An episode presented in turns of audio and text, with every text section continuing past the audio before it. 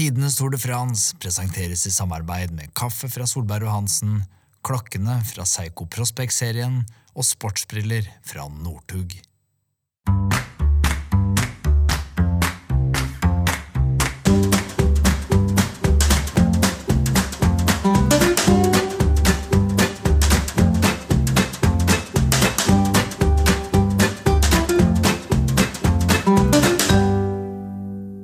Hjertelig velkommen skal du være til tidenes Tour de France. eh, Alles favorittpodkast. Og eh, jeg er Hanso, som eh, vanlig. Og med meg har jeg deg, Jalle.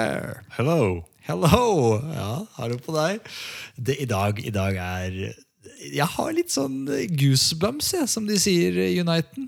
Jeg har det. Oh ja, ikke sommerfugler i magen? Jo, det òg. Litt sånn jeg merker Det er jo fordi i dag har vi kanskje Kanskje mest profilerte gjesten som vi har hatt. Det er jo sånn at Podkasten vår den har jo nå spredd seg utenfor våre landegrenser. Utenfor EU? Uten, utenfor Schengen, utenfor alt.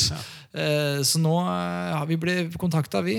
Eller vi bidro kanskje litt, men vi ble kontakta av da eh, en fyr som har sykla Tour de France et par ganger. Og så har han stort sett krangla med, med folk i etter, ettertid. Eh, så vi skal i dag ha en prat, en alvorsprat, med selveste Tyler Hamilton. Det er gøy. Det blir gøy. Det er moro, det. Jeg frykta jeg skulle si Floyd Landis, jeg nå, men da har jeg gjort eh, research på riktig person. Ja, bra flaks. Og så driver jeg og trener på litt uh, sånne lyder. Ja, Vi må jo snakke engelsk. vet du. Det blir jeg gruer meg til det. Det gruer jeg meg til. Ikke til å snakke med han. Ja. Laboratory. Laboratory. jeg, jeg, tenkte vi skulle være litt, jeg tenkte vi skulle være litt snille med han, men eh, er det noen andre ord?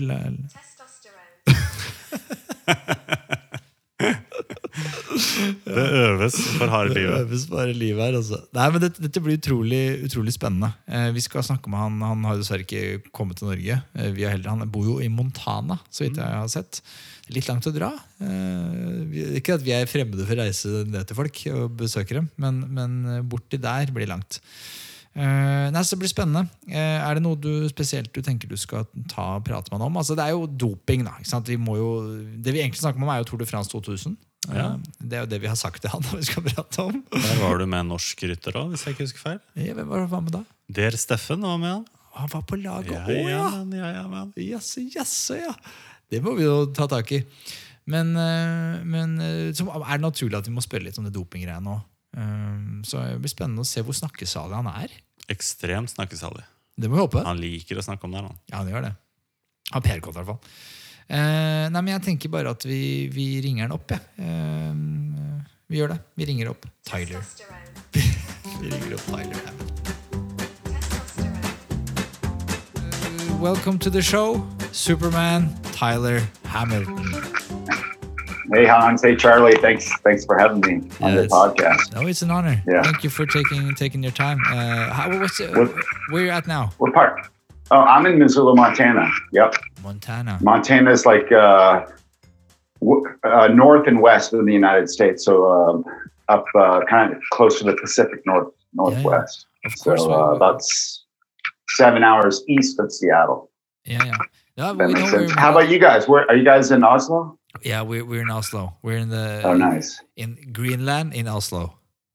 awesome. It- What it's- what, it's- what a beautiful uh, country. yeah, it's I bet I was in Oslo some years ago. So yeah. Have you been here biking, cycling, or is it? No, I went. I was over there for a talk. Um, I think maybe 2015 or 16. Okay. I did a, a talk at a conference there in Oslo, and um, yeah, it was neat. Yeah. Then I was a, a tourist for a few days, and I went up to the ski jump up there outside of town. Holmenkollen. Beautiful. Yeah, beautiful. Yeah, it's, Yeah. It's, it's good here. It's good. Yeah. Yeah, yeah, but um, it's great having you on. You know, this show is, is called Tidenes Tour de France, uh, which uh, I think it, it would probably mean something like the greatest Tour de France ever or something in, in English.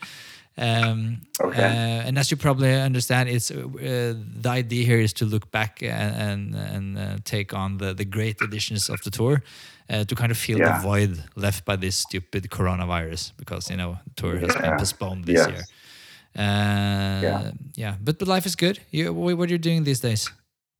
Yeah, life's good. Life is good. You know, it's uh, you know there were a few bumpy years there for sure, and uh, you know I'm, I'm glad to say that's for the most part, that's behind me, and uh, just kind of moving on in my life. Yeah, I've been, uh, you know, I've had a coaching business for about ten years, a little over ten years. That's been, you know, chugging along, and that's been a lot of fun. And actually, during coronavirus, it's certainly picked up.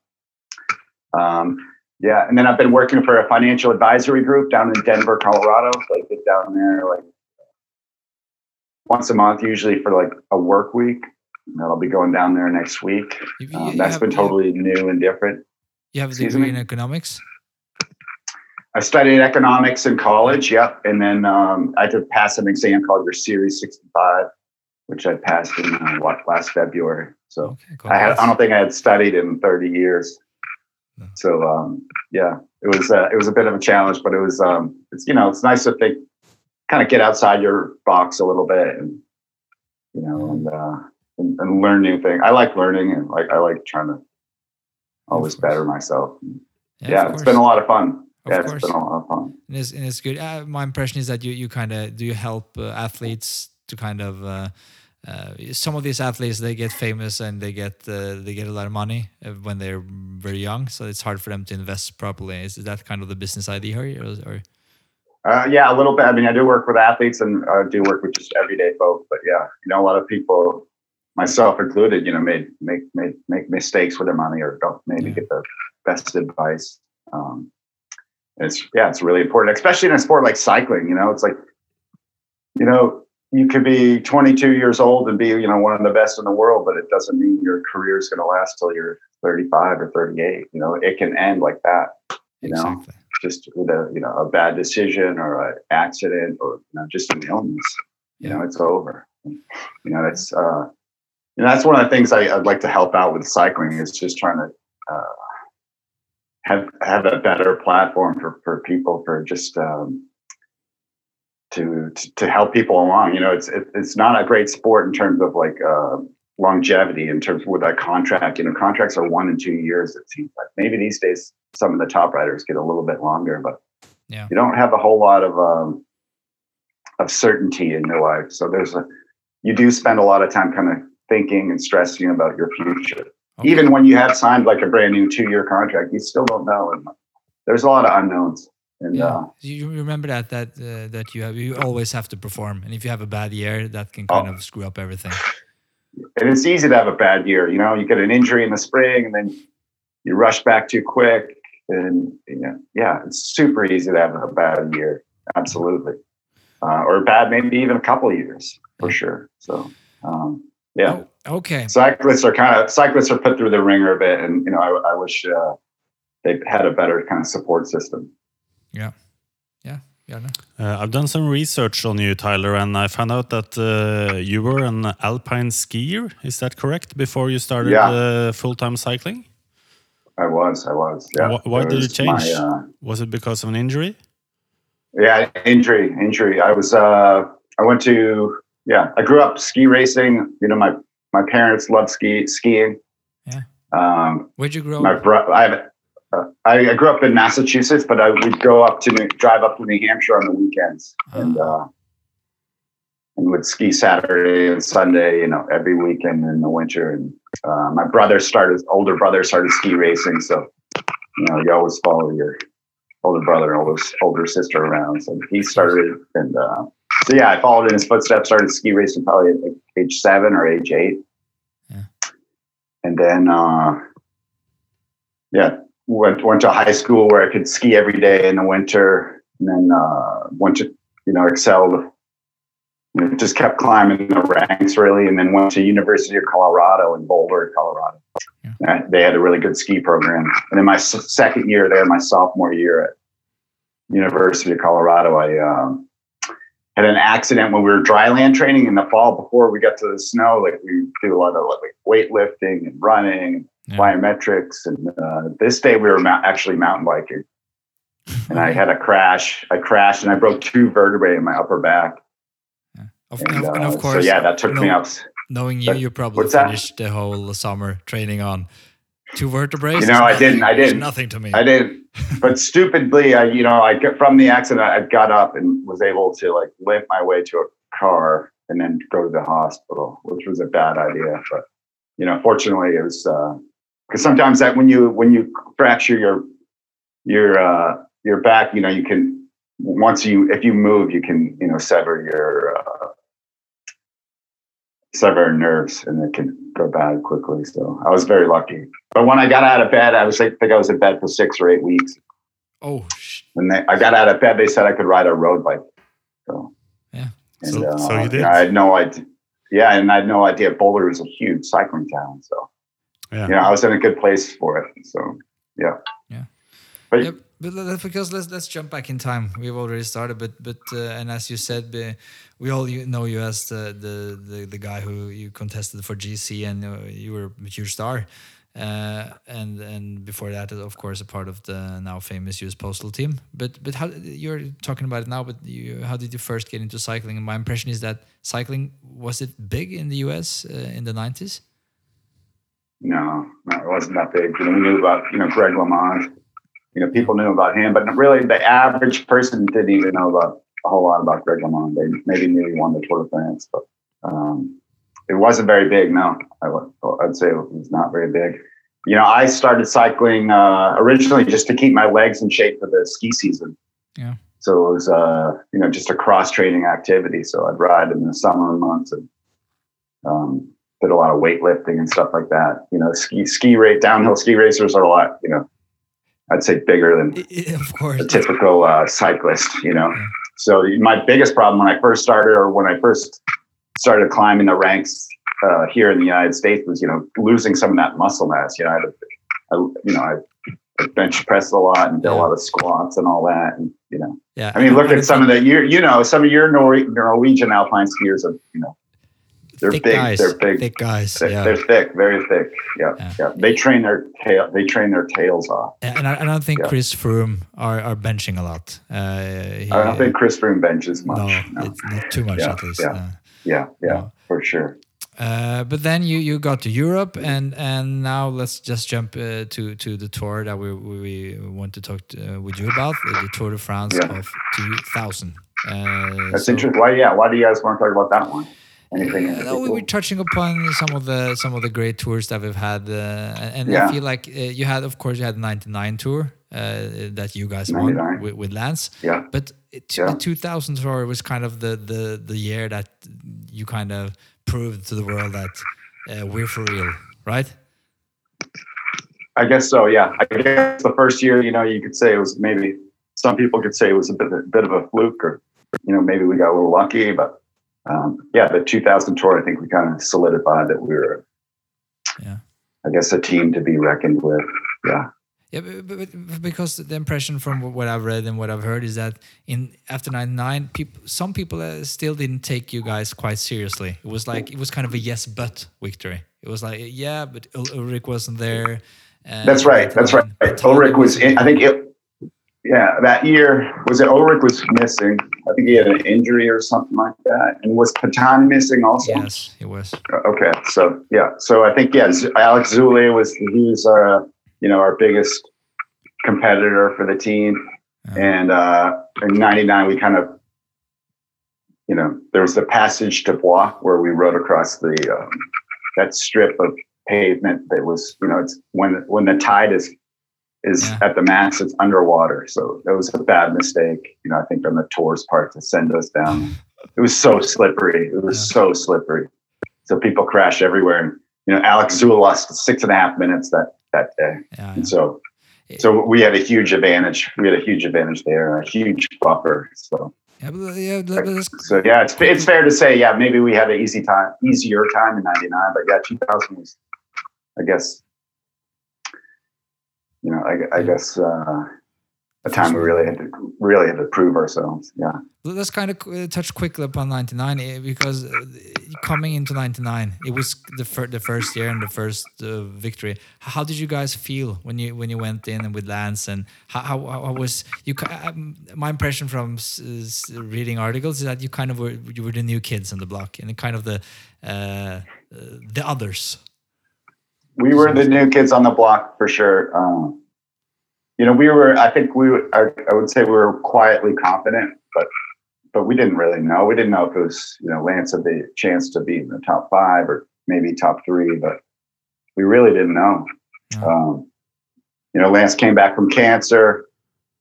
He joined the postal team in '98. He didn't ride the tour in in '98. Uh, he rode the Vuelta a España, and he, I think he was fourth in the Yeah. Vuelta, and then he got fourth in the World Championship time trial, I believe. So, um, and then Johan, you know, Johan came to the team, uh, Johan Bruyneel, and was uh, Yeah.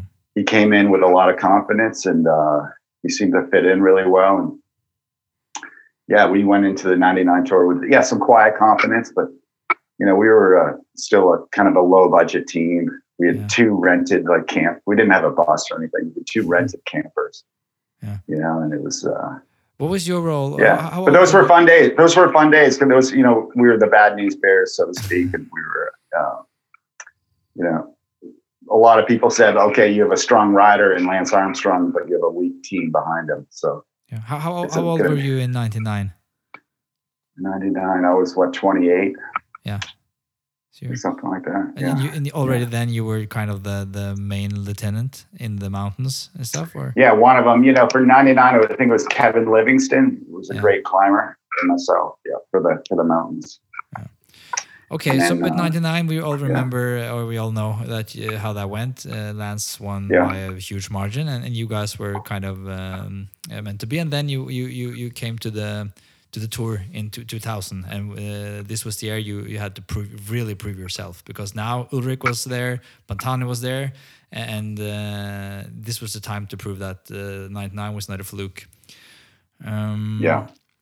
And um, yeah, but so how did you guys feel leading up to the 2000 tour?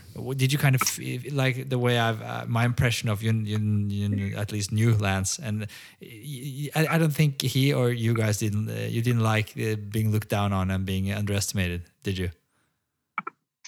I don't. For I, I don't think Lance did. I don't think Lance did. But for me, I don't know. I, I like. I've always enjoyed being the underdog and being, you know, kind of a quiet leader. You know, having quiet confidence and maybe people not talking so much about you and you know, surprising people. Yeah. But um, Did you fear I don't know, I- and Ullrich? yeah, we feared them both. Yeah, Yeah. we definitely feared them both. Um, uh, you know, the results of the '99 tour, uh, the 2000 tour, what Ullrich was second, what, and then uh, I think Pantani dropped out, right? Yeah, yeah, yeah, yeah, to quit. But but the, That's we, right, We always start, start always start to look at the favorites going into the tour, and and and when I look at the, um, uh, you have these pre races. You, you- of course, the the one week uh, races, the Dauphiné and the, the Tour de Yeah. Switzerland, and and do you know who? Remember who won the Dauphiné in two thousand? Yeah, Yeah, uh, some some guy from Missoula, Montana. That's what I heard. yeah, that's what you heard. How, how did and Lance? He he, he finished third. Uh, what happened here? How did Lance take that? Uh, how did Lance take third? Yeah, that you you his being his lieutenant kind of went ahead Oh. and won the the Oh yeah. Um, let's see. Let's see. The um, Dauphiné. Yeah. Um, you know, I think think he had beat me in the early time trial, but then uh, oh, it was I think it was on Mount Ventoux. It was a Mount Ventoux stage. Uh, I think Lance was in yellow. It finished on the top of Mount Ventoux. Lance was in yellow. They told me to cover any attacks on the on the lower slopes of Mount Ventoux. Yeah. And that's what I did. I covered a break, you know, an attack, and, and then I just sat on. And I was kind of waiting to hear in the radio when that Lance was trying to bridge across. You know, maybe I'd drop back and pull, help pull him back up to the break. Yeah. Um, but I kept waiting and waiting and waiting. And eventually, Johan got on the radio and said, you know, Lance isn't feeling very well, and you know, if you can go for the stage win, go for it. So nice. I won that. St- I think I won that stage, and then. Um, And also the next one. I think I think yeah, I think Zubeldia Zubeldia was uh, took the lead that day. Yeah. That guy from uh, Spain. Yeah, by the way, And he, that- like he's still is he still riding? He's like he he's he's been on the top since 2000. It's insane. Like he, I feel like he Insane, yeah. retired last year or something. Did he retire? I can't remember. He might have retired. I, I hope he Yeah. has he has to be. Okay. yeah, but he wrote, had a long career for sure, long career. So yeah, we were still. So he took over the lead, and then the next day, um, where was it? It finished in. Um, In Digne-les-Bains. Exactly, exactly. And we had a climb, maybe a cat two climb right before it, and then we descended like madmen into that town. Yeah. And um, yeah, I uh, Lance, let's see, I think I attacked first, Lance bridged across, and um, we finished one two that day. That was pretty cool. And then he let you have uh, the stage.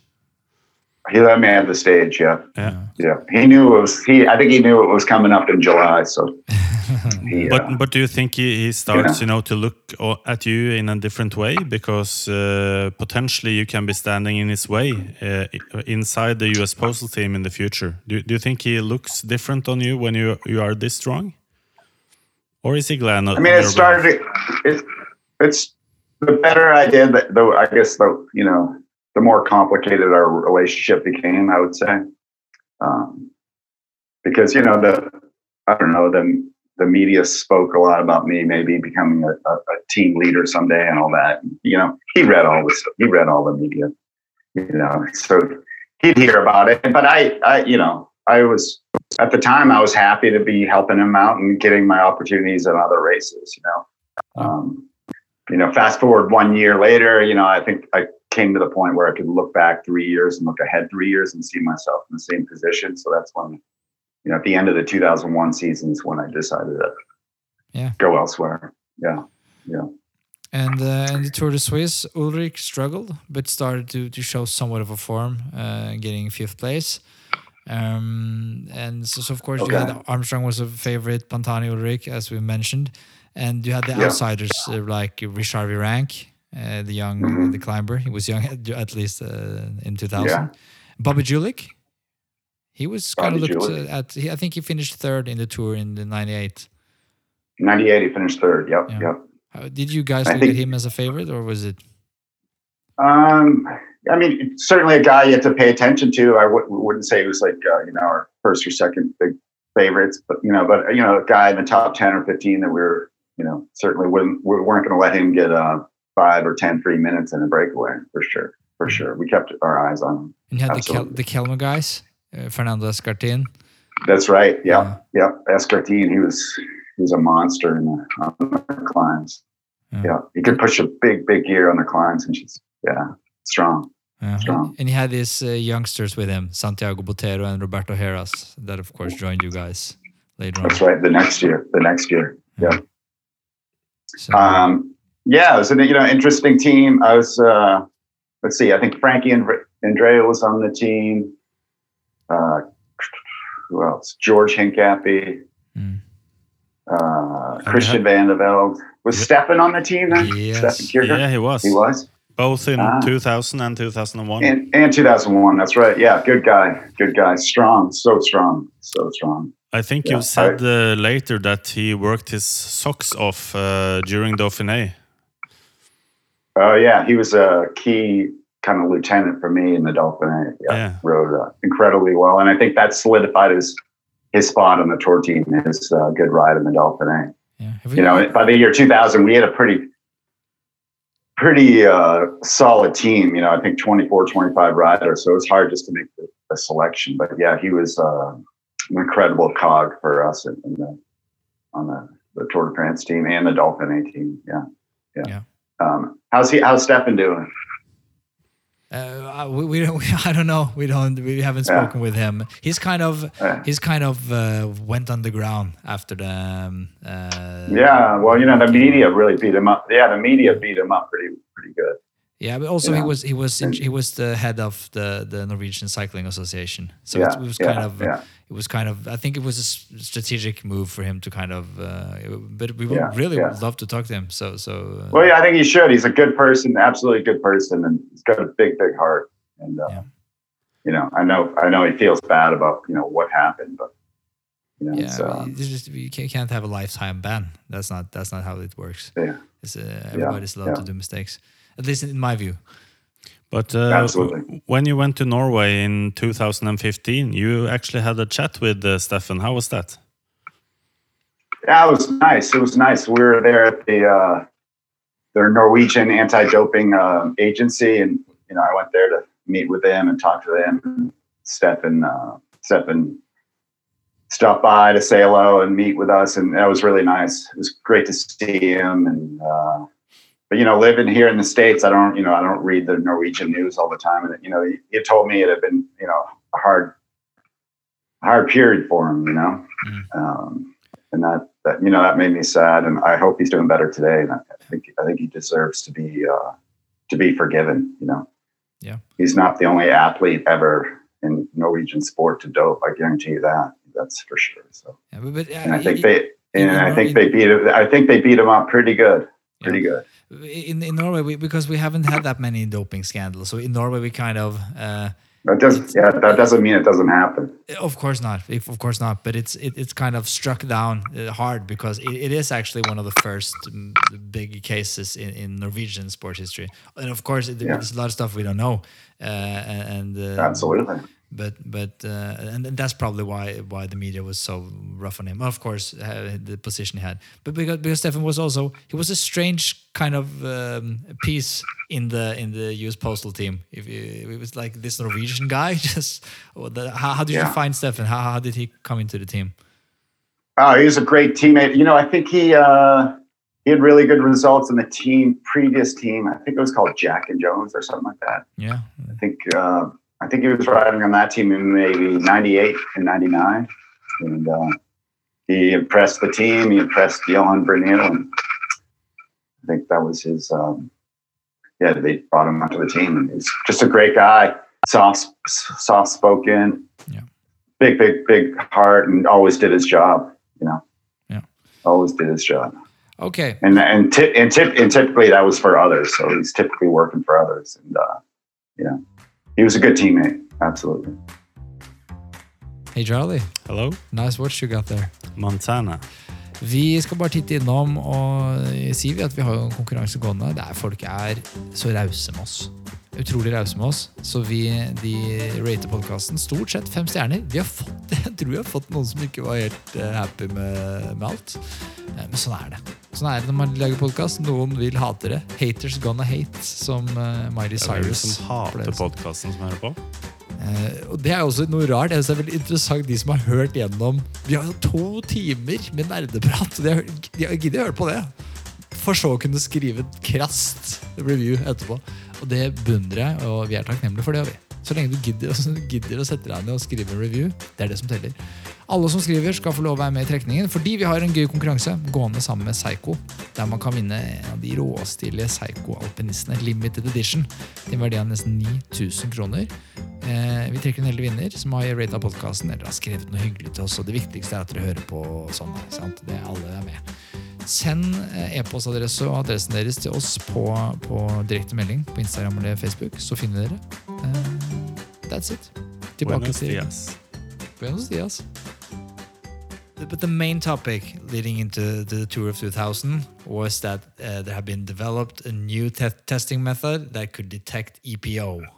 Oh yeah, that? yeah, yeah. It had yeah, been yeah. impossible until uh, 2000. How, how did the peloton react to this? I guess a lot of people Um, afraid. yeah, yeah, yeah. I remember um, hearing about it maybe the, in the spring of 2000. You know, I mean, the whole. I think the whole peloton heard about it. Yeah. The news got leaked, or maybe purpose. You know, I thought it'd be a good idea if they're really trying to catch people. Like, don't tell anybody, and then do this surprise test. But Yeah. for for whatever reason, the news got leaked, so people. You know, te- I think teams were warned ahead of time. So Okay. Um, so they, they stepped up the, so, yeah. off the EPO gas. Yeah, for sure. And uh, you know what? We didn't know 100 percent or not if they were going to use it in the tour, but we knew it was good. They have they were developing a test. And, you know, they were going to use it at some point. How did you guys? Uh, Yeah. uh, what did you guys do? Did you do you remember? It was it kind of a team decision that uh, uh, we have to we, we can't do the EPO anymore? We have to Yeah. find a different. Yeah, How, Uh, do, how do you yeah, guys do that? Is it a meeting? Is it like Johan is like, let's have a meeting, guys? yeah. Oh yeah, I'll tell you the whole story. Um, for me, so it was the last. It was the Saturday Dauphiné. You know, the race in June finished uh, on a Sunday. Yeah. It was Saturday night. Um, so we had one stage to go. I was in the yellow jersey, and um, you know, I was about to win the biggest race of my life. It was uh, yeah, the night before the last stage, and I, Johan came into my room Yeah. there in France and told me that we were um, on that, that following Tuesday. We were going to be flying from. I was at the time I was living outside of Nice, France.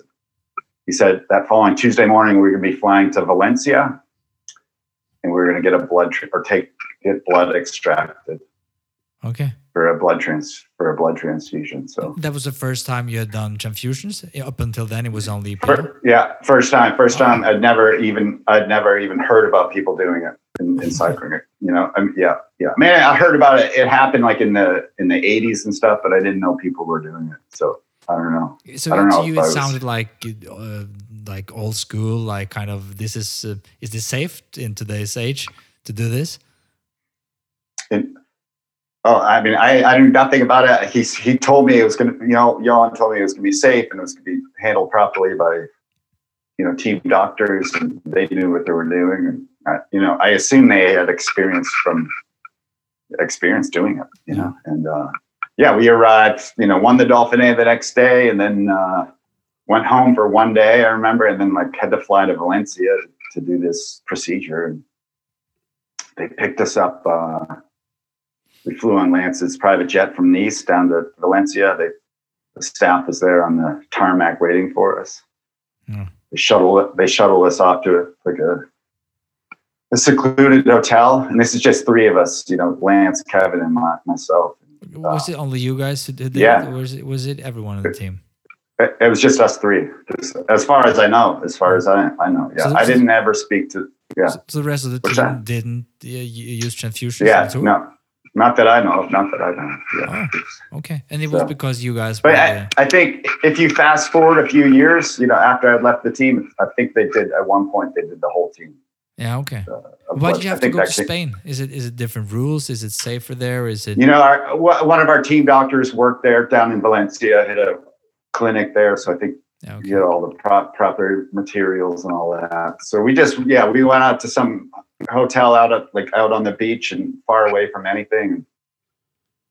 Sat there, laid down in the, you know, in my hotel room. Yeah. Yeah, and they took, you know, extracted a liter of blood. And uh, Tyler, did you feel? And then, and then, Yeah. yeah. and then, you know, we went out on a training ride that afternoon, and yeah, it felt terrible. You know, I went from, you know, Yeah. winning the Dauphiné a few few days before to like, you know, you you feel it when you lose a, a liter of blood or whatever it was. Yeah. 450 cc's of blood.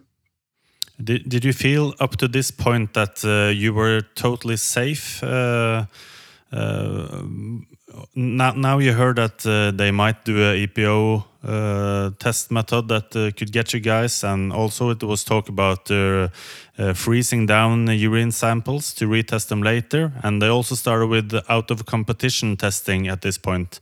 Did you feel that you know the gain you had on uh, the anti-doping bureau, you started to to um, to be more hunted in this race now? I mean, I felt like, yeah, the, I did do, did feel like the walls were closing in, and you know, Yeah. we had the 98 to- we had the 98 I, I rode the 97 and 98 tours and 98 was the festina affair so Yeah. it went it went from before the festina fair to like everything wide open you know people getting handed little white lunch bags to um, to take with them when they go home very open very open you know i call that the wild west days but then Yeah. Ever since the festina fair it seemed like the walls were closing in and closing in and closing in you know by 99 yeah 99 was uh But still, there was no. I'd say no way less. in quitting. You, you you wouldn't quit. oh i mean i thought about it but you know i felt like i was in the middle of this mess and Yeah. i i, I kind of gotten started and it's just you know why turn around now oh yeah i mean i wish i'd done a lot of things differently Of course, but for sure. But once you get caught up in it, really, you know, once I took that first, for me, the first time I ever doped was 97, the spring of 97. You know, the team doctor handed me this little red capsule and a pill of testosterone. You know, and like once I crossed that line, it was just, I don't know, that it was little, small little baby steps. And before I knew it, you know, in the year 2000, it was blood, a blood transfusion. But yeah, I kind of felt like I was going along with just team orders. And, you know, I don't know if I said no to Johan there in the room, like I probably, I don't know. what happened. Yeah. I don't know if he would have taken me the tour. I mean, Lance would have been pissed. Yeah. for sure. So you know, if I didn't do that, said no to it, and said, I don't know. I, I don't think um, I think I'm persona non grata. No, Yeah. that's that's that's Yeah. how it happens, and I think that's how, how it happens for most people. That as you said, baby steps. Okay, let's let's jump jump into Yeah. the 2000 tour, uh, the opening stage. Armstrong. Oh, yeah. He, he Lance proves his form. Uh, you performed. Was he got second or something? Yeah, he did. I think I was top ten, maybe. Yeah, you finishing in ninth, I think. Uh, and Ullrich, he was on par. Pantani, he, he he used to roll with like training wheels or something in during time trials. Oh, yeah. He, he, he Yeah. finished in the 136th spot, two minutes Oh, and wow. 16 seconds behind. Wh- Why was he so bad in at time trialing? Why he shouldn't shouldn't he like is is this He was a Yeah. Pantani. Yeah. He was just a little, little. He was a little guy, little guy. He was just so. He was tiny. Yep, yep. Um, But still- but you know, he could time trial. I know. I remember the final time trial in the '98 tour that he um, he won that tour that year. Yeah. I think he had a really good ride in that final time trial. So I don't know, but in general, he's a small little climber. Typically, small little climbers don't time trial that well. No, but Contador, for example, he, he he used to time trial well in in the tour. So Yeah. so it's Yeah. but He's but he's more than he's just more than a climber for sure. Pantani was for me a pure pure climber. yeah, and, and my To, God, to, uh, Alberto Contador is more well rounded. What's that? yeah, but yeah, but, but, but Pantani, how like I, I miss. I, I really enjoyed Oh. that type of rider. Oh, He- I miss him. yeah, I but he, miss he him. rides with the emotions. It's like he he, he attacks. Uh, yeah. fearless, and, and you don't see that those Yeah. guys anymore. If You have you have like the, the Frooms and uh, and they're just looking down on their watt meters, and it, it's, I Yeah. miss the like He was great. You still have Yeah. Nibali. You have Contador to, to some extent. He, he still had he had this uh, um, this passion. It's, it's more passion and less kind of um, method, um, uh, less science, Less, more less passion. methodic. Yeah, yeah, yeah, yeah, yeah, yeah, yeah. And then you you kind of have the Uh, the next stage that meant something was the, the team time trial. yeah, yeah. You know, I mean, yeah, we had a pretty good plan. It was, I think, it was a uh, maybe it was fifty or sixty kilometers. That this the time trial, the team time trial, and um, but yeah, it was pretty flat, flat to rolling the whole time. But we had one climb, and it was this long bridge that some maybe Nazaire or something bridge. I can't remember, but it was a big bridge, and it was you know, and it was towards the it was in the last maybe ten or fifteen kilometers of the stage. Let's call it last ten k of the day, Mm. and uh, we told Lance that he couldn't pull on that climb. And if he did find himself at the front, certainly don't stand up. You know, if you if you are at the front, you know, because you're just you're going through the line, right, in the Yeah. pace line. And we told him if he was if he did end up at the front, stay seated, take your pull, come around, you know. But he, uh, you know, got excited. I mean, you can't, yeah, you can't fault him for it. I mean, you know, he, I guess he broke the plan, and I think that happens sometimes. He was super eager, but yeah, he stood up and he had the whole team on the rivet. We exploded, and yeah, we had to wait at the he, he had to wait at the top, and we all kind of had to come back. And but yeah, But you, c'est la vie. you, you uh, the U.S. postal team in the, the latest uh, years of the Armstrong victories, uh, they were kind of the the, the, the best uh, team time trial team. But in the 2000, you, you guys weren't favorites. We were one of the better ones, but not the like the best. Yeah, I think in the later years they became like the best, you know, one of the best teams around. I think it was Once that a Spanish team Yeah, that beat us. I think true. they beat us pretty hand, handily. But uh, yeah, we weren't. I think they became, you know, after I left the team, they became, I think, a little bit more of a well-oiled machine. You know, a little bit more dialed in. We were, um, yeah, we were pretty good then, but we, we weren't. We weren't the best. Yeah. So um, and So- uh, Laurent Jalabert, you, you have you Jalabert? Jalabert. Jalabert, yeah. he picked Yeah, up, he had yeah. picked up the yellow jersey, and of course, he, of course, he, he rode on Team Once, so he, he he kept uh, the jersey after that stage. What do you remember of Yeah. Laurent Jalabert? He was a f- Laurent Jalabert, yeah, good guy. We were teammates in 2002, yes. um, and then uh, later, later I rode with his brother Nicolas for Yeah. some years. Yeah. He was kind I of a strange rider because he was a good climber, so he, he could kind of contest for the, the GC, but also it was a, he was a good sprinter, so he won the points shares. I think he was won the point shares in every of the all of the Grand Tours. Yeah, and I think he won the Mountains jersey maybe in the 2002 tour. Yeah, Yeah, I yeah. don't remember exactly which Yeah, one. but- yeah, he was an attacker. I don't know. He was he was a quiet, kind of quiet guy. Um, always very friendly to me. Um, but kind of let his legs do the talking. Really. Yeah, he won the uh, specification both both in 2001 and 2002. So Oh, yeah, yeah. Uh, we were teammates there in 2002. Yeah, yeah. Yeah. Um, so what? So he took yellow that day. yeah, yeah, the day before, and he, he kept it because he he, he the team wants a It's a little wrong. Yeah. So the ne- the next Yeah. stages were pretty normal for the tour. You have like some breaks went, uh, and the big teams made sure to, to keep the gaps manageable and under control. Det er høytid i podkasten, for det er tid for tidenes Tour de France-quiz. Nå har vi kommet til uke Er det uke seks? Ja. Uke seks. Det er uh, Tida flyr. Flyr. Det er bare én uke igjen, altså. Det bare, så dette er, begynner å bli en av de siste mulighetene å, å gjøre det på, hvis man skal få vært med her. Um, premien er jo som alltid det er, Vi har jo med oss Northug på laget, som, eh, som lager bra briller. Altså. Altså, de, de, det har vært eh, Ordentlig bra briller. Eh, Jeg henger meg opp i det at eh, jeg, jeg tror bare det viser hvor lite bevandra jeg er i kvalitetsbriller. Fordi det er noe med som, Jeg har aldri sett så godt jeg, en sommer som jeg, jeg har denne sommeren her. Eh, Så det vil jeg iallfall Jeg håper folk er med bare fordi de syns det er moro. Men, men en ekstra bonus er jo at man kan vinne eh, de brillene, daycruiserne, til eh, Northug. Som ser ganske fett ut. Um, men vi må hoppe inn i spørsmålet. Vi, vi snakker jo om Tour de France 2000, og dette var en tid hvor Lance Armstrong herja, og han hadde det i kjeften eh, også, ikke bare i føtta. Eh, og spørsmål til uke seks er som følger. Hvilket lite flatterende kallenavn brukte Lance Armstrong om Marco Pantani under touren i 2000? Altså, Hvilket lite flatterende kallenavn brukte Lance Armstrong om Marco Pantani under touren i 2000? Vet du svaret, Sunna?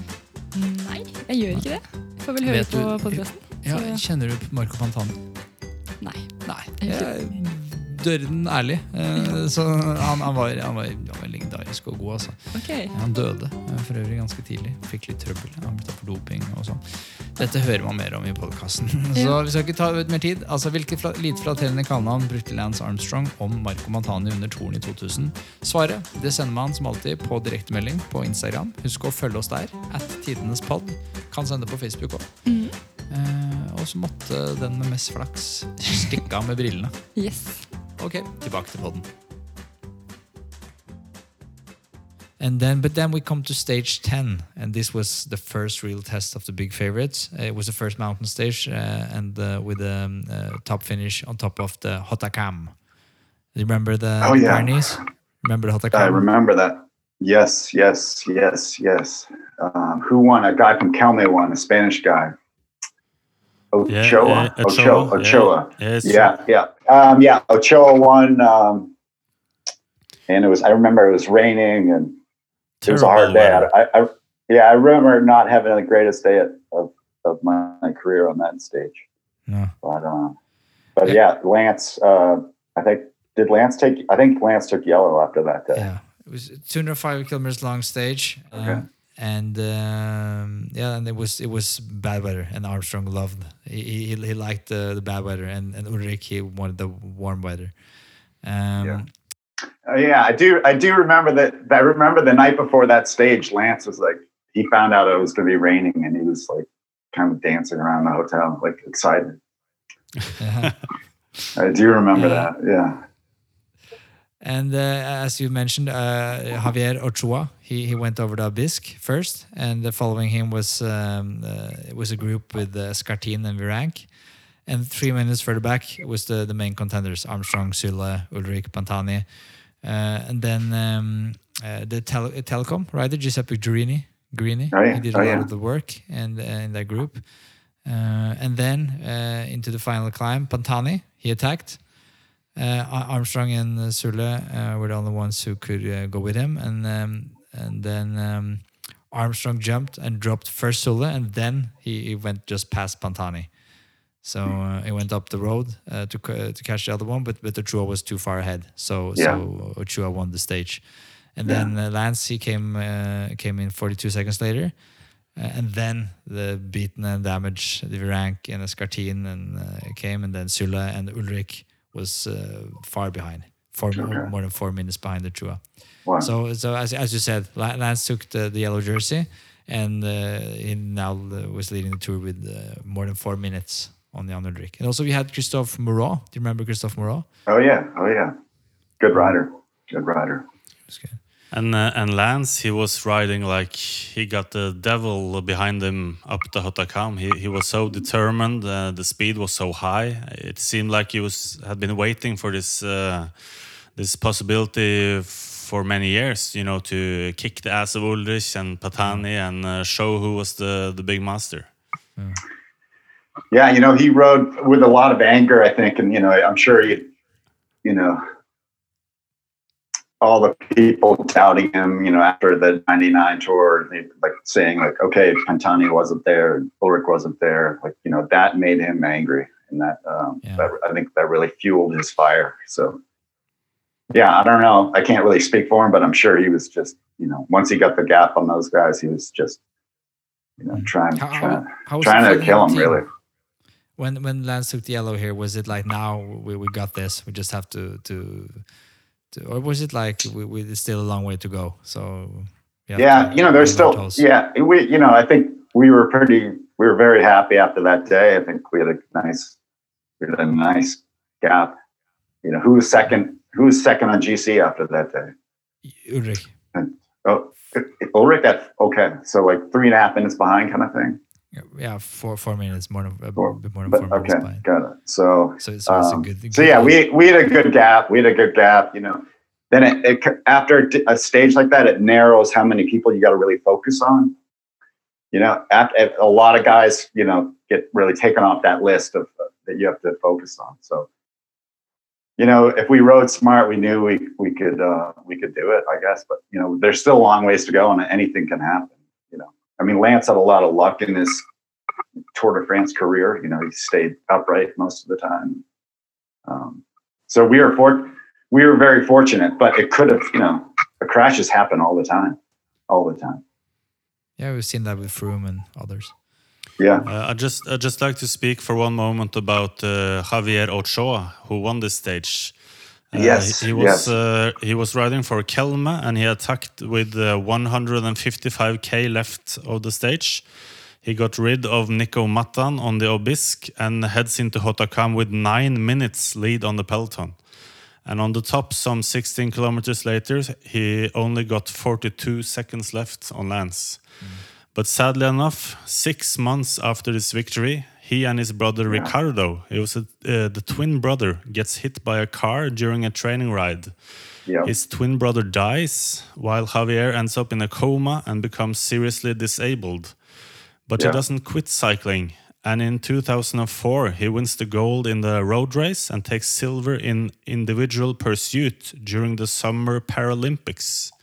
I think that's an amazing Ah, story. that's yeah. good story. Oh, yeah. And, and a yeah. terrible story, of course. But yeah. uh, yeah. It gives me uh, goosebumps. It's, uh, yeah. yeah. Yeah. a sad story, but it's a story of resilience. And, you know, he, Exactly.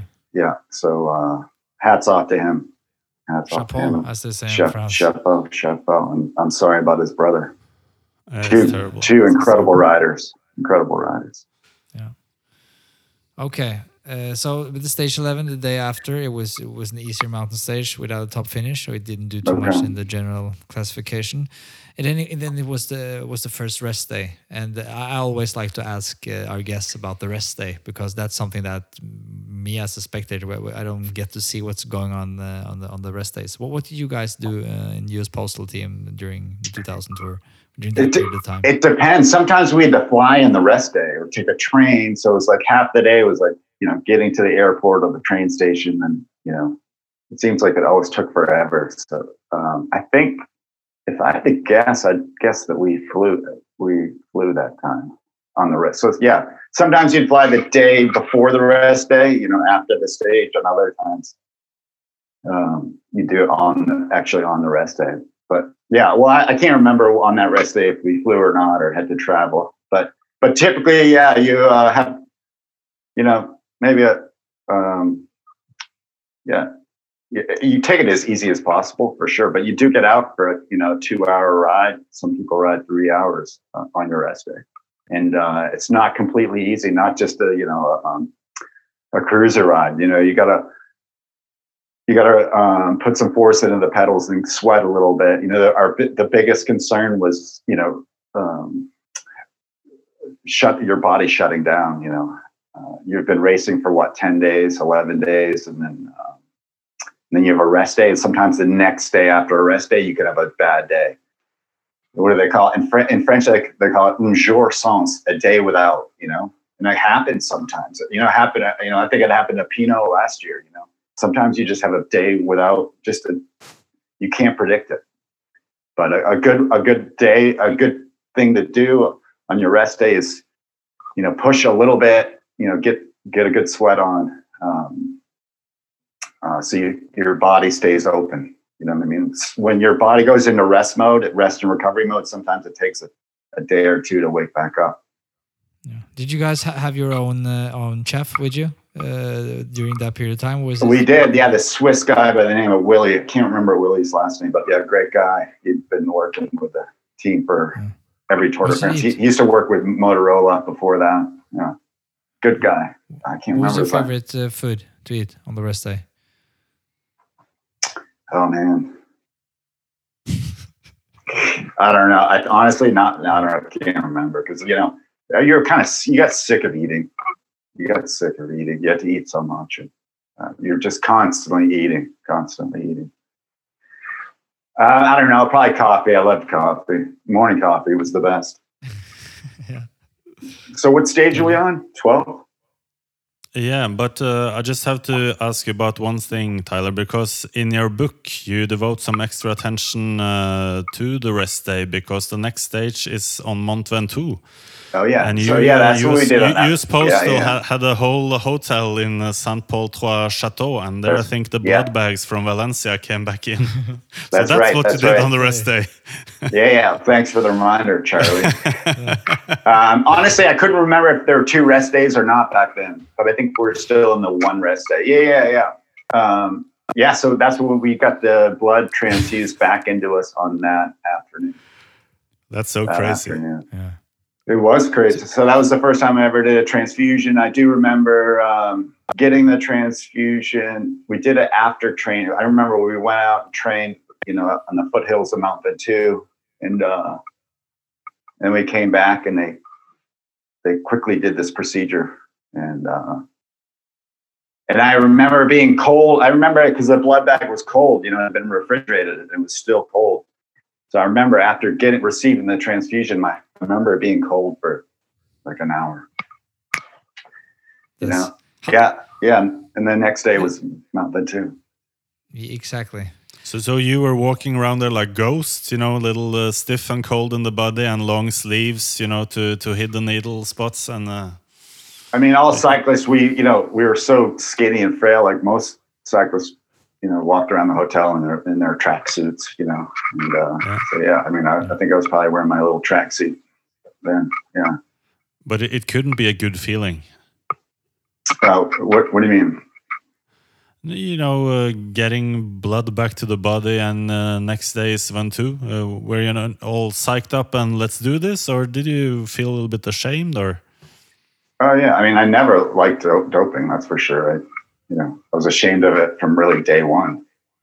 Uh, but yeah, this is something that the, the team kind of asked me to do, and yeah, I just went along with it. I don't, ashamed, you know, yeah, deep down, yeah, in the back of my head, deep down, but I didn't, you know, I didn't have time to like get all negative. Like I tried to stay positive and just bury, you know, bury those feelings deep inside.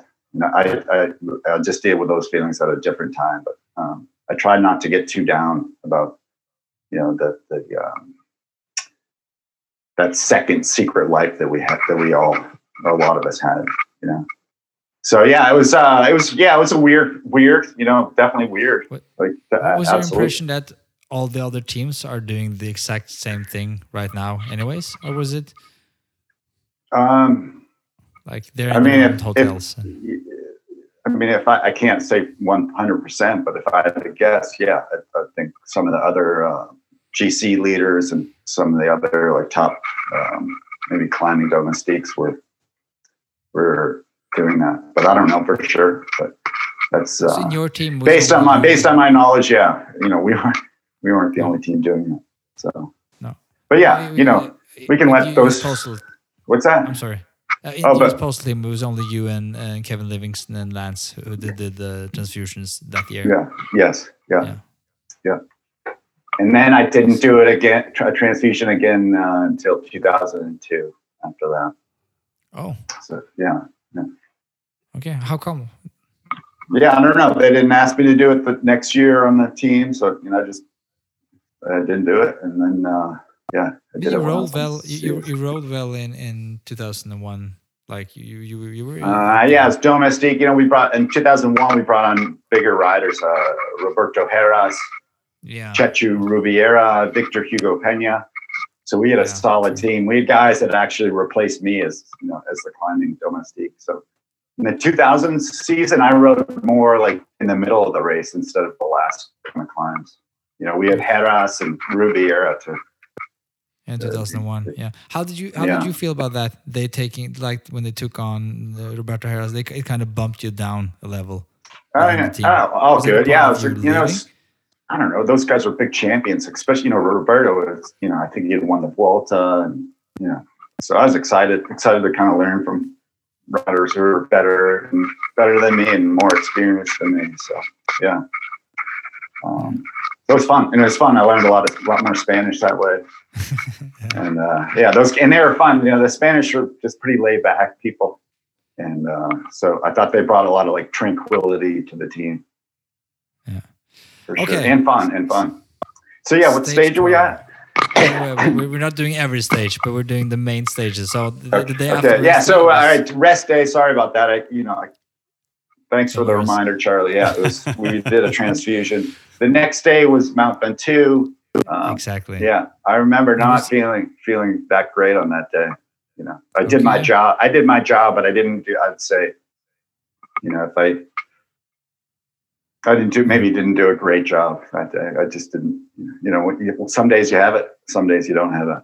Yeah, well, I think you had it because uh, from what I've uh, I can uh, see here, it, at the base of the climb of the Mont Ventoux, uh, you guys, you and, and Kevin, uh, you set such a hot pace that Zülle, Escartin, and Moreau were dropped. Yeah. So I think you, Yeah. I think you were up there. And I, I, I remember pulling, but not for very very long. I remember being in the towards the front, but then taking my pull and not not doing it very long, and then having that. No, because when, when you quits. when you when you when you were finished, when you were done, it was only seven riders left. It was Lance, uh, Heras, uh, Botero, Beloki, Richard and Ullrich and Ah. Pantani. Um, not exactly the good guys. when There you go, them, there you uh, go, In the back there you mirror, go. but but Pantani he was he was yo-yoing uh, on and off the back uh, as Ullrich was uh, driving the group hard. And then after the riders cl- climb past the tree line, uh, you know, Yeah. the, in Ventoux, it's the the bald mountain is that what they call it? Yeah. With about five kilometers to go, uh, Pantani surprised everyone and went uh, uh, to the front and delivered a, a series of hammer blows. That's right. Uh, That's and right. and the last one nobody could uh, withstand. Um, but then uh, Lance he leaped uh, out of the chasing group and and went after Pantani and caught him. Uh, and near the top, Armstrong tried to encourage Pantani and yelled uh, "Vince, Vince," and it means victory, I think. But Pantani misunderstood and thought Armstrong said "Vitesse," which I think means go faster, and that he was Ah. trying to antagonize him. Um, and at the top, it looked like Armstrong eased off and, and let Pantani have the win, uh, have the victory for that Yeah. stage. Um, and then uh, it's afterwards is where the drama really sets in because in the in the press conference uh, afterwards, Lance indicates that he had indeed let Pantani win the stage, uh, and that humiliated and enraged Pantani. Um, and um, uh, he said that he won the sprint fairly. Uh, and then Armstrong used the infamous Elefantino. Infantino Oh, yeah, that's right. On Pantani. Yeah. And making fun of his uh, somewhat prominent ears, I guess. Yeah, that was a mis- that? Yeah, that was a mistake. You know, he sh- Yeah. yeah, he gave he gave Pantani the win, you know, and, but he should have kept his mouth shut. And, you know, Yeah. didn't need to make those comments. What- But But that's it's kind of the that's how it's kind of a trait uh, from looking from the outside of Lance, Lance Armstrong. He can't just let things slide. He just has to kind of yeah, I let him win. I could have I could have beaten. I'm I'm the greatest, but but I I let him win. The Fantino guy. I, I, yeah, I don't know. Yeah, yeah, yeah. He was a bit he was a bit that way for sure, for sure. You know, I, you know, I think he regrets some of those things that he did, or some some of the things he said for for sure. Um, but yeah, you know, that caused a lot of problems, like within the team. Within the team, you know, Pantani was pissed. You know, he was pissed, and he, Mm. he and he should have been. You know, Uh, saying that Elefantino was you know not cool. And it's uh, kind of a but he, Trump move. he caused us big problems, you know, later in the race. He was pissed and he went, he did one of those just uh, insane attacks on, on one of the mountain stages later in the, in the race. And, it, you know, it blew up our whole team and it was Kevin Livingston and myself chasing him the whole day, the whole day. You know, I mean, it worked, it all worked out, but it could have been really bad, you know? Yeah. So, Yeah. After stage 12, uh, Lance still oh, he was in the lead in the general classification before, uh, and he had Ullrich, Beloki, Moreau, Beltran, and Yeah. And the, the places behind him. Cliffhanger. Nå som vi har med en vaskeekte amerikaner, skjønner så må vi jo vi må kjøre cliffhangers. Det er sånn de gjør det i USA. Mm -hmm, Det er to be continued. De skal liksom, man skal pines. Man skal pines. Jeg vet ikke om det slutta så spennende. Ikke, man skal jo helst gjøre det. Men um, hva syns du om engelsken min, da? Jo, den er jo forståelig. Eh, Ja, det ja. er vel det, det er det beste dere å si om den. ja. Ja. Nei da, du er jo du er flink du, altså. Men eh, ja. Nei, men jeg tror, øh, jeg tror vi bare må smøre oss med tålmodighet for å høre mer av den behagelige engelsken øh, der. Eh, Det får man jo mer av. Man får høre det på tirsdag. Da får du del to av episoden med Tyler Hamilton. Og jeg kan røpe så mye som at det blir betraktelig mer juicy etter hvert. Eh, Ja, dette, dette er ikke noe, noe Jeg hører at jeg driver og tuber continuer, men vi kan si sånn, vi snakker jo ikke så mye om Tour de France i 2000. Det er jo mest doping og Tyler og Lance som vi er opptatt av. Det er jo det, det, er jo det som er juicy. Og jeg merker at jeg ble litt sånn Jeg la meg liksom sjarmere han amerikaneren. Og jeg, satt, jeg hadde han liksom bilde av han på, på Mac-en, så jeg satt liksom sånn rett i fjeset. Men Jarle han begynner å skyte ganske hardt. Han er god. Jarle er god. Han er god, er journalist. Steingod. Han, og her viser han virkelig at han er Norges beste eh, sykkeljournalist. Eh, så jeg, hvis jeg var deg og dere, så vil jeg høre på neste episode, del to med Tyler Hamilton. For der blir det litt mer temperatur. Ja, ok. Gleder okay. meg. Det er bare å glede seg. Snakkes!